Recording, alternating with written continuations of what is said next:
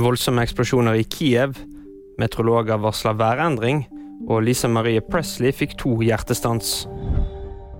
Nye russiske angrep mot Kiev.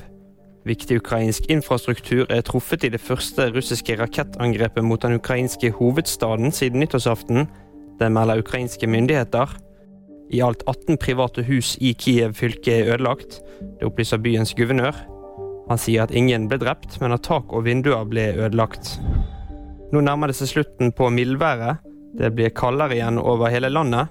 Østlandet risikerer mest ruskevær, mens det ligger an til å bli opphold i nord. Denne helgen er det sendt ut gult farevarsel for snø i deler av Agder og Østlandet. I vest kan helgeværet skape trøbbel på veiene. Lisa Marie Presley fikk ny hjertestans på sykehuset. Det melder TMC.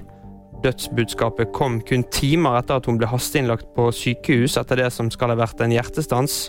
Presley skal først ha havnet i koma på sykehuset, før hun fikk ny hjertestans.